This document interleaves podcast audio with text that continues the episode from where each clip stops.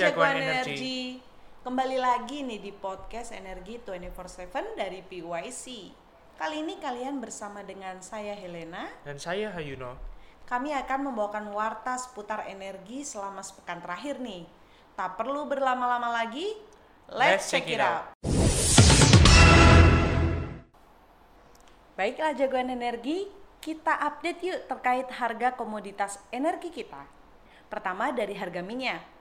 Rata-rata Indonesian Crude Price atau ICP di minggu ini masih mengikuti ICP bulan Februari 2023 yaitu 79,48 US dollar per barel. Sedangkan per 17 Maret 2023 harga minyak West Texas Intermediate atau WTI saat ini berada di kisaran harga 68,83 US dollar per barel. Sementara harga minyak Brent saat ini berada di kisaran 74,83 US dollar per barel. Bagaimana nih dengan harga batu bara kita? Per 17 Maret 2023, harga batu bara acuan masih mengikuti harga acuan bulan Februari yaitu 277,5 US dollar per ton. Sedangkan untuk Newcastle Coal Price berada pada level 178,50 US dollar per ton. Nah, kita coba update nih berita selanjutnya dari sektor minyak dan gas. Berita selanjutnya adalah minyak dan gas. PHM buat rekor pengeboran terpanjang dan tercepat di Blok Mahakam.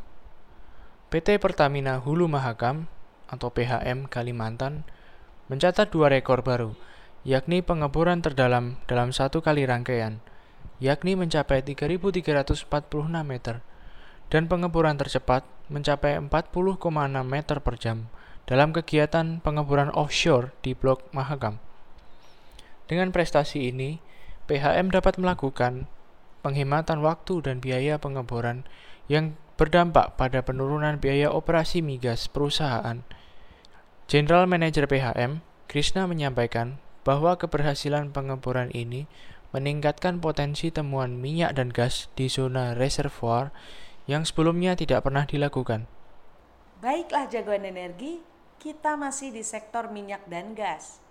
Ternyata peraturan CCS-CCUS diteken Hal tersebut merupakan upaya Indonesia untuk mencapai sektor migas rendah emisi dan tingkatkan produksi migas. Hal tersebut dapat kita lihat dari penetapan Menteri SDM Arifin Tasrif terkait Peraturan Menteri SDM Nomor 2 Tahun 2023 tentang penyelenggaraan penangkapan dan penyimpanan karbon serta penangkapan pemanfaatan dan penyimpanan karbon pada kegiatan usaha hulu migas.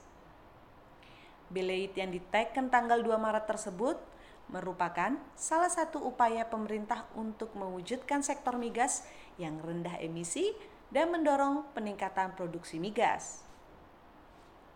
Jagoan energi semua tentu juga memahami bahwa hal tersebut dapat mendukung upaya pencapaian target komitmen nasional bagi penanganan perubahan iklim global dalam rangka mencapai tujuan Paris Agreement yang berorientasi pada pembangunan rendah emisi gas rumah kaca dan berketahanan iklim pada tahun 2050 nih jagoan energi. Berita selanjutnya, mineral dan batu bara. Inilah alasan Amerika Serikat mundur dari proyek kebanggaan Jokowi. Kementerian ESDM akhirnya membeberkan alasan utama mundurnya perusahaan petrokimia asal Amerika Serikat, Air Products and Chemical Incorporation, dari pro proyek hilirisasi batubara di Indonesia.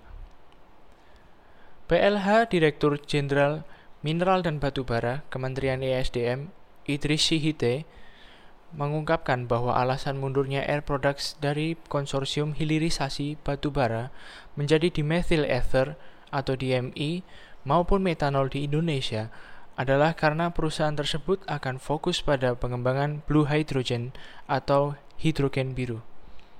Air Products akhirnya lebih memilih proyek blue hydrogen karena pemerintahan Amerika Serikat memberikan insentif lebih besar kepada perusahaan untuk mengolah hidrogen biru daripada DME atau metanol.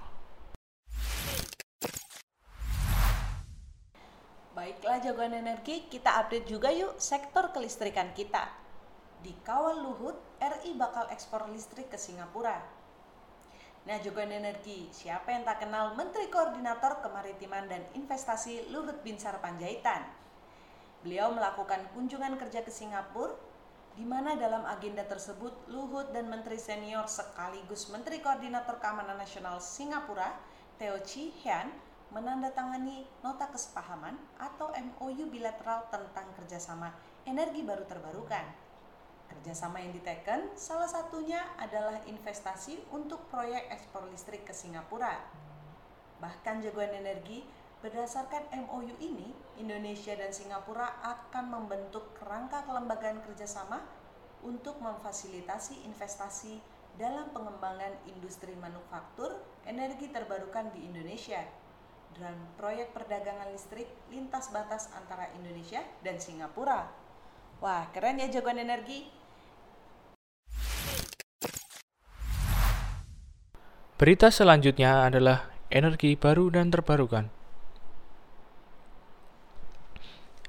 Indonesia dan Amerika Serikat sepakati kerjasama energi bersih.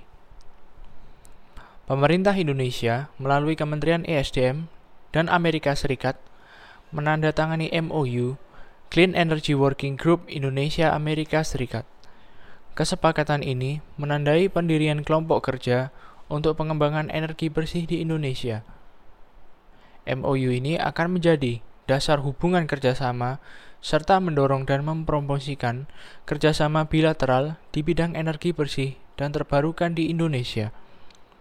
Ini akan mencakup berbagai bidang, seperti CCUS, keamanan cyber, teknologi SMR, panas bumi, bioetanol, dan teknologi kota pintar untuk ibu kota baru, yakni ibu kota negara. Kerjasama ini juga akan menggantikan MOU Power Working Group yang sebelumnya ditandatangani pada 2015.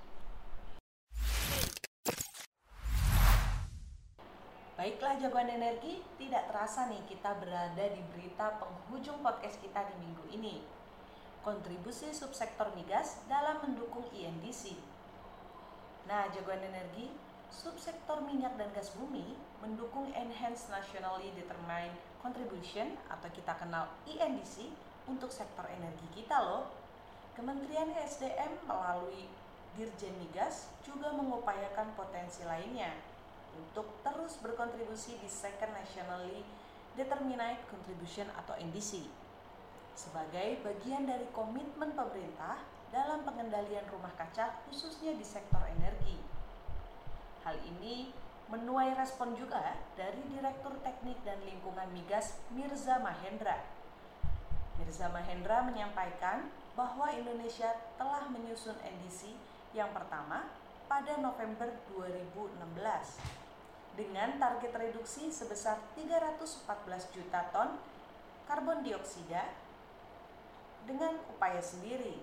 Kemudian, sesuai mandat Paris Agreement, paling lambat tahun 2025 akan menyusun second NDC. Hal tersebut menyimpulkan bahwa diperlukan kontribusi subsektor migas untuk masuk ke dalam second NDC seperti pemanfaatan gas suar bakar. Wah, ini berita penutup kita loh jagoan energi. Sekian podcast 24/7 di minggu ini.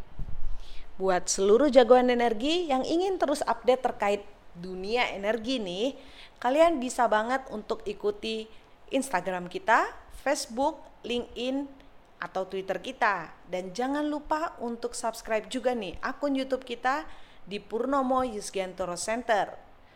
Baiklah jago energi, sampai di sini pertemuan kita di minggu ini. Stay safe and see you next week.